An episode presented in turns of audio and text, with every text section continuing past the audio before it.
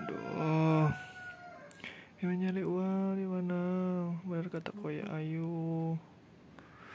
Kalau tanggungan belum cukup kalau kebutuhan belum cukup belum mampu jangan jangan nyicil sesuai kebutuhan aja.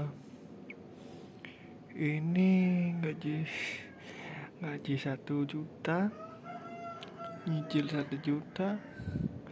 Nah gimana ceritanya ya ya terus ya coba coba biar rasa kapok kapok terus kapok kapok. Ah, semoga jalan keluar semoga